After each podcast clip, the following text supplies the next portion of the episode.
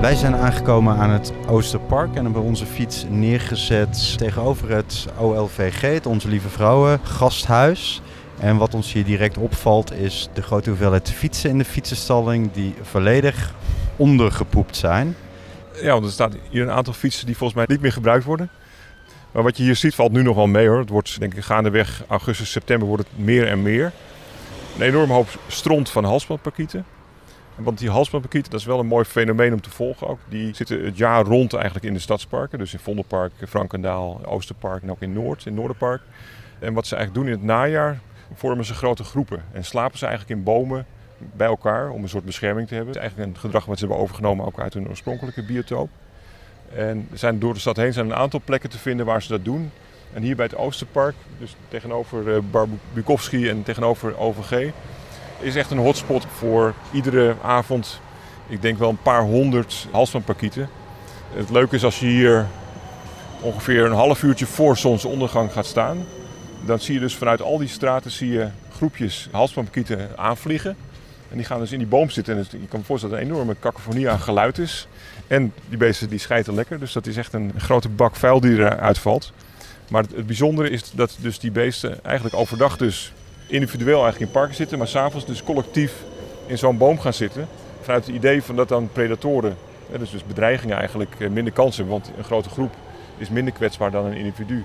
Dus dat is een beetje hun achterliggende gedachte je hebt hier een aantal straten die hierop uitkomen. En dan zie je dus vrij laag door de straten zie je kleine groepjes aankomen vliegen. En, en dus echt eh, clockwise kun je dat ze gewoon timen.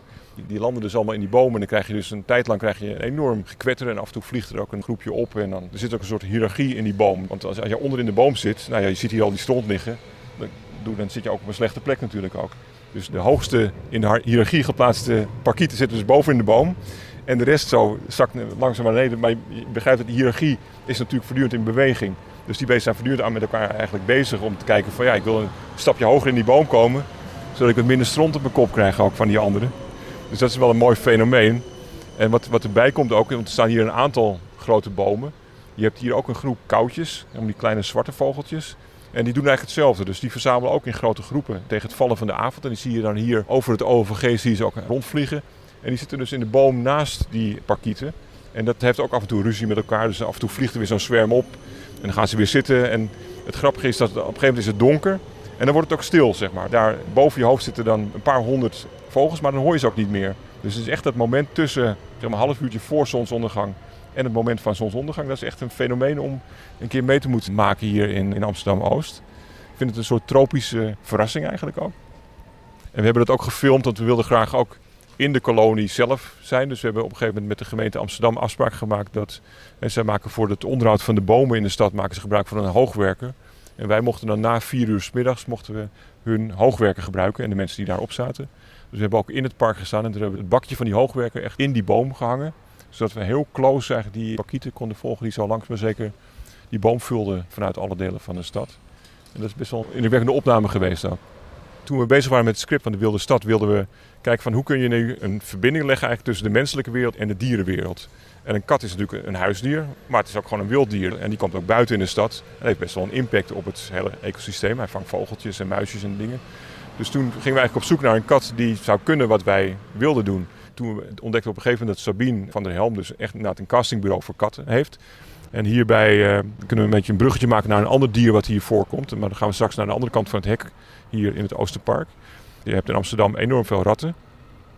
Hoeveel weet bijna niemand. Schattingen lopen uiteen van 200.000 tot net zoveel als er mensen inwoners zijn, 800.000.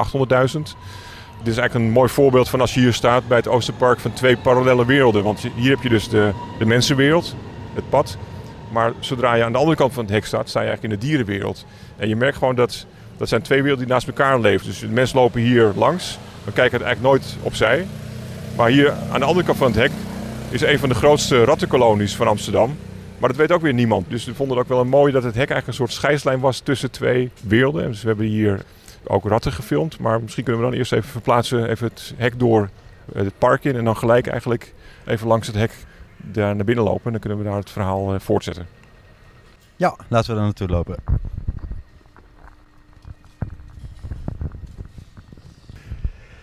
Wij lopen door de ingang van het Oosterpark en we gaan eigenlijk direct naar de vuilnisbak die we daar zien. En een omgebogen paal die daar staat, duiken we de struiken in.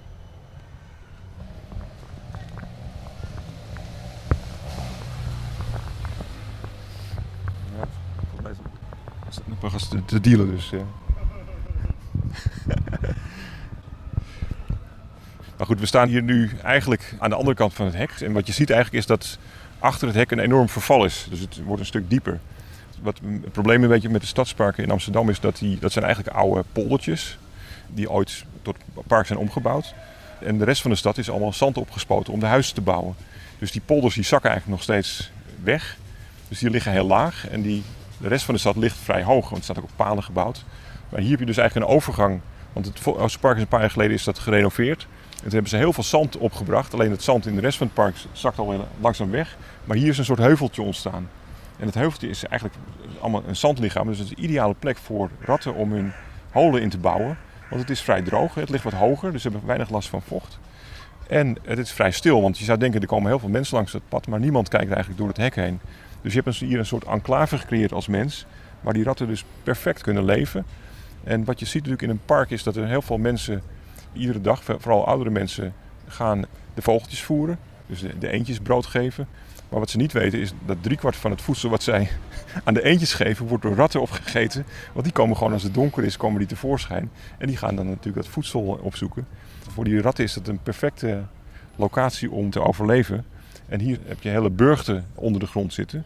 En het leuke is dat die ratten, het zijn, zijn echt fantastische beesten en intelligent. Ze staan ook, ook dicht bij de mens eigenlijk qua genetisch eh, materiaal.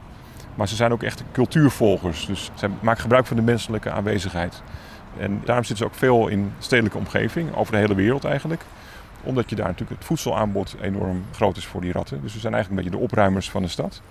Maar ja, mensen vinden ze toch wel vervelende beesten, want ze, ze brengen ziektes over. En mensen zien niet graag zo'n grote rat over straat uh, lopen. Maar ratten houden wel van mensen. Zij zoeken echt menselijke omgeving op om hun plekje te vinden. En we zijn dus hier op een gegeven moment op uitgekomen, want we waren bezig met de Wilde Stad, de opnames. En ik was in contact met Jan Buis van de GGD. Die zijn verantwoordelijk voor de bestrijding van ratten.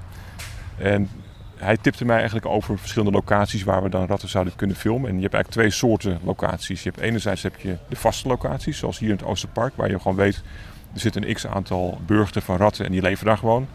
En je hebt plekken waar ratten opeens massaal een explosie van ratten eh, aanwezig is. We hebben bijvoorbeeld gefilmd bij eh, voormalige studentenflat Silverberg. En er was zo'n grote vuilverzamelplek beneden bij de flat met van die containers en een afgestoten stukje. En daar stonden 16 of 17 van die containers iedere avond vol met grijze vuilzakken. Onder de containers hadden ze gaten gemaakt als er vloeistof in zat, dat het eruit zou lopen. Nou, voor die ratten natuurlijk perfect, want die konden van onderaf zo erin. Dus we hebben daar gefilmd dat je echt tientallen ratten gewoon in die bewegende vuilniszakken en die kwamen naar boven poppen. En hier is het meer eigenlijk een sociale structuur van ratten. En je moet je voorstellen, een rat leeft in een familieverband. En je hebt een soort, ook hier weer een, hiërarchie in die familie eigenlijk. Je hebt wat oudere ratten, je hebt de, de moederratten en je hebt jonge ratten. En uit de verhalen van, die we hebben opgetekend is eigenlijk zo, iedereen heeft zijn eigen rol binnen zo'n kolonie. En wij proberen die ratten hier een beetje te voeren met wat voedsel, zodat ze ook uh, op ons afkomen. We hebben hier nachtenlang gezeten. Maar je merkt dat die, die, ratten heel kieskeurig zijn. Wij denken altijd dat ratten echte viezerikken zijn, eigenlijk in alles eten. Maar het bleek dus dat die ratten juist heel erg kieskeurig zijn op voedsel. En dus als er vreemd voedsel wordt aangeboden, dan is het niet zo dat ze daar massaal op, duiken. Maar er zijn er dus jonge mannetjes in die familiegroep. En die worden eigenlijk als een soort verkenners vooruitgestuurd. En die moeten dan eerst gaan proeven van het nieuwe voedsel. En als zij dan niet dood neervallen, dan weten die anderen van oké, dat kun je dus eigenlijk gewoon opeten. Dat hebben we ook in de film in een scène een beetje duidelijk proberen te maken met een pizzapunt. Maar het, het bijzondere is dus dat, dat wij denken dat ratten vieze beesten zijn en dat ze eigenlijk alles vreten. Maar het zijn uiteindelijk zijn het ah, hele schone beesten op zichzelf. Alleen ze leven vaak in onze rotzooi. En ze hebben dus hele ingenieuze familiestructuren. Wat je bijvoorbeeld ziet bij ratten is dat als een, een rat wat ouder wordt en hij kan wat minder goed voor zichzelf zorgen, dan wordt hij ook binnen de familiegroep verzorgd. Dus ze hebben geen bejaardenhuis waar ze dan in weggestopt worden, maar die worden gewoon netjes door de andere ratten eigenlijk van een leuke oude dag voorzien. En het bijzondere is ook dat ratten, die hebben een soort geboortebeperking. Dus, dus op het moment dat er weinig voedselaanbod is, dan krijgen die vrouwtjes minder jongen. is er veel voedsel. Dan zijn ze in staat om op te schalen en dus veel meer reproductie te hebben. En we hebben wel eens berekend eigenlijk, dus één volwassen vrouwtjesrat, die kan dus per jaar, ik geloof iets van duizend jongen krijgen. Die overleven natuurlijk niet allemaal, maar je kunt je voorstellen wat een enorme, enorme reproductiesnelheid dat soort beesten gaan hebben. En we hebben hier dus vrij veel tijd doorgebracht eigenlijk om juist die familiestructuur een beetje in beeld te brengen. Want het is natuurlijk mooi als je een rat kunt filmen, maar juist eigenlijk dat gedrag en hun positie in de stad is natuurlijk wel mooi om te zien. Want uiteindelijk is het zo dat je, en dat is ook een beetje het uitgangspunt bij de bestrijding, want je mag geen gif meer gebruiken bij het bestrijden van plagen. Dus mensen moeten eigenlijk leren leven met ratten. Dus we, moeten accepteren dat ze er zijn en dat ze onderdeel zijn van de stadsbevolking. Maar je kunt, wel, je kunt, het wel reguleren door gewoon geen vuil op straat te gooien of bepaalde dingen wat minder aantrekkelijk voor die ratten te maken. Maar dat ze er zijn is gewoon een gegeven. Zeg maar. Daar kun je gewoon echt van uitgaan. En het leuke hiervan bij het Oosterpark is dus dat, je het ook als mens kunt observeren. Omdat je gewoon weet van waar ze zitten, waar ze hun burcht hebben. Het is nu vrij begroeid, hè, dus, dus je, ziet daar een beetje lastig doorheen. Dus we kunnen straks nog wel een stukje verder lopen door de bosjes en dan kijken of we een, een ingang kunnen ontdekken. Het zijn ook wel dieren die veelal s'nachts aan de slag gaan. Dus we hebben hier één keer gezeten, toen uh, verderop langs het hek. Met, uh, hadden we RTL Late Night te gast, Umberto Tan, die een, enorme liefhebber van de natuur is. En we zaten daar met z'n vieren in de bosjes wat te filmen zeg, met de cameraman. En op een gegeven moment ging Barbukowski ging dicht. En er kwam iemand aanlopen die blijkbaar niet naar de wc kon gaan in Barbukowski. Die, die ging door het hek heen pissen het park in. En wij zaten dus op een meter afstand van hem naar, naar hem te kijken en hij, hij zag ons niet, weet je. Dus vond ik wel fantastisch gegeven eigenlijk dat die gast daar zo is. Maar dat zie je, weet je, die, het verhaal van die parallele werelden eigenlijk. We hebben dat niet gebruikt vanuit privacy overweging in de film. Maar het had wel een leuk beeld geweest eigenlijk zo. Uh, op die manier laten zien hoe dicht het bij elkaar ligt. Het zou ook heel grappig voor hem zijn geweest als hij Umberto dan in één keer in een bosje zat gezien. Absoluut, ja. We een stukje doorlopen of denk je van nou... Nee, laten we doorlopen. Ik ben ook heel benieuwd hoe zo'n Rattenburg eruit ziet. Ik, ik, ik, heb nu nog onvoldoende beeld of dat dus echt onder de grond zich uh, begeeft. Of mm -hmm. dat het in die wal zit, zeg maar, ja. daar. Of, uh, of ze gaten graven. Ja, laat, laten we kijken of, of, we nu in de begroeiing wat kunnen zien. We kunnen dat hier doen of we kunnen even naar de andere kant van het pad lopen. Misschien is dat, dat is een betere plek eigenlijk dan... Ja? Uh, een burg is een gangenstelsel wat onder de grond zit. En een rat heeft altijd meerdere uitgangen. Dus als er gevaar is, zeg maar, dan kunnen ze op meerdere plekken eigenlijk onder de grond. Maar ook als er bijvoorbeeld een, een jager of iets, een bunzing of iets anders, een marterachtige in het hol komt, dan kunnen ze ook ontsnappen. Ze graven eigenlijk eindeloze gangen en kamertjes. Dus ze hebben voedselkamertjes en broedkamertjes of geboortekamertjes. En het is eigenlijk een heel, ja, een heel gangenstelsel. Dus je ziet eigenlijk boven de grond af en toe wel een ingangetje van iets dus we zullen straks nog even kijken of we iets kunnen vinden. Maar meestal doen ze dat ergens onder de bosjes. Maar wat ik zei, je ziet hier dus het oplopende stukje. Dus goede kans ook dat ze hun burcht uitbreiden tot onder de straat. Omdat het natuurlijk allemaal zand is waar ze makkelijk in kunnen graven. En af en toe stort er natuurlijk iets in. Dus ze zijn voortdurend bezig eigenlijk om dat weer bij te werken. En ja, wat ik, wat ik zeg, overdag zijn ze vrij schuw of vrij stil. Dus zullen ze onder de grond zitten. En zo'n beetje rond de schemering, dan, dan komen ze naar buiten en dan gaan ze kijken wat er aan voedselaanbod ligt. En wat ze kunnen meenemen voor hun gezin. Dus we kunnen nog een stukje die kant oplopen om te kijken of we een ingang kunnen ontdekken. En nu gaan we zo'n beetje langs het hek lopen. Op zoek naar ratten.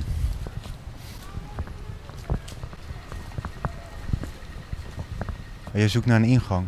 Ja, ik dacht misschien is er ergens nog een... Want die zijn vaak een beetje uitgesleten in het zand. Ja.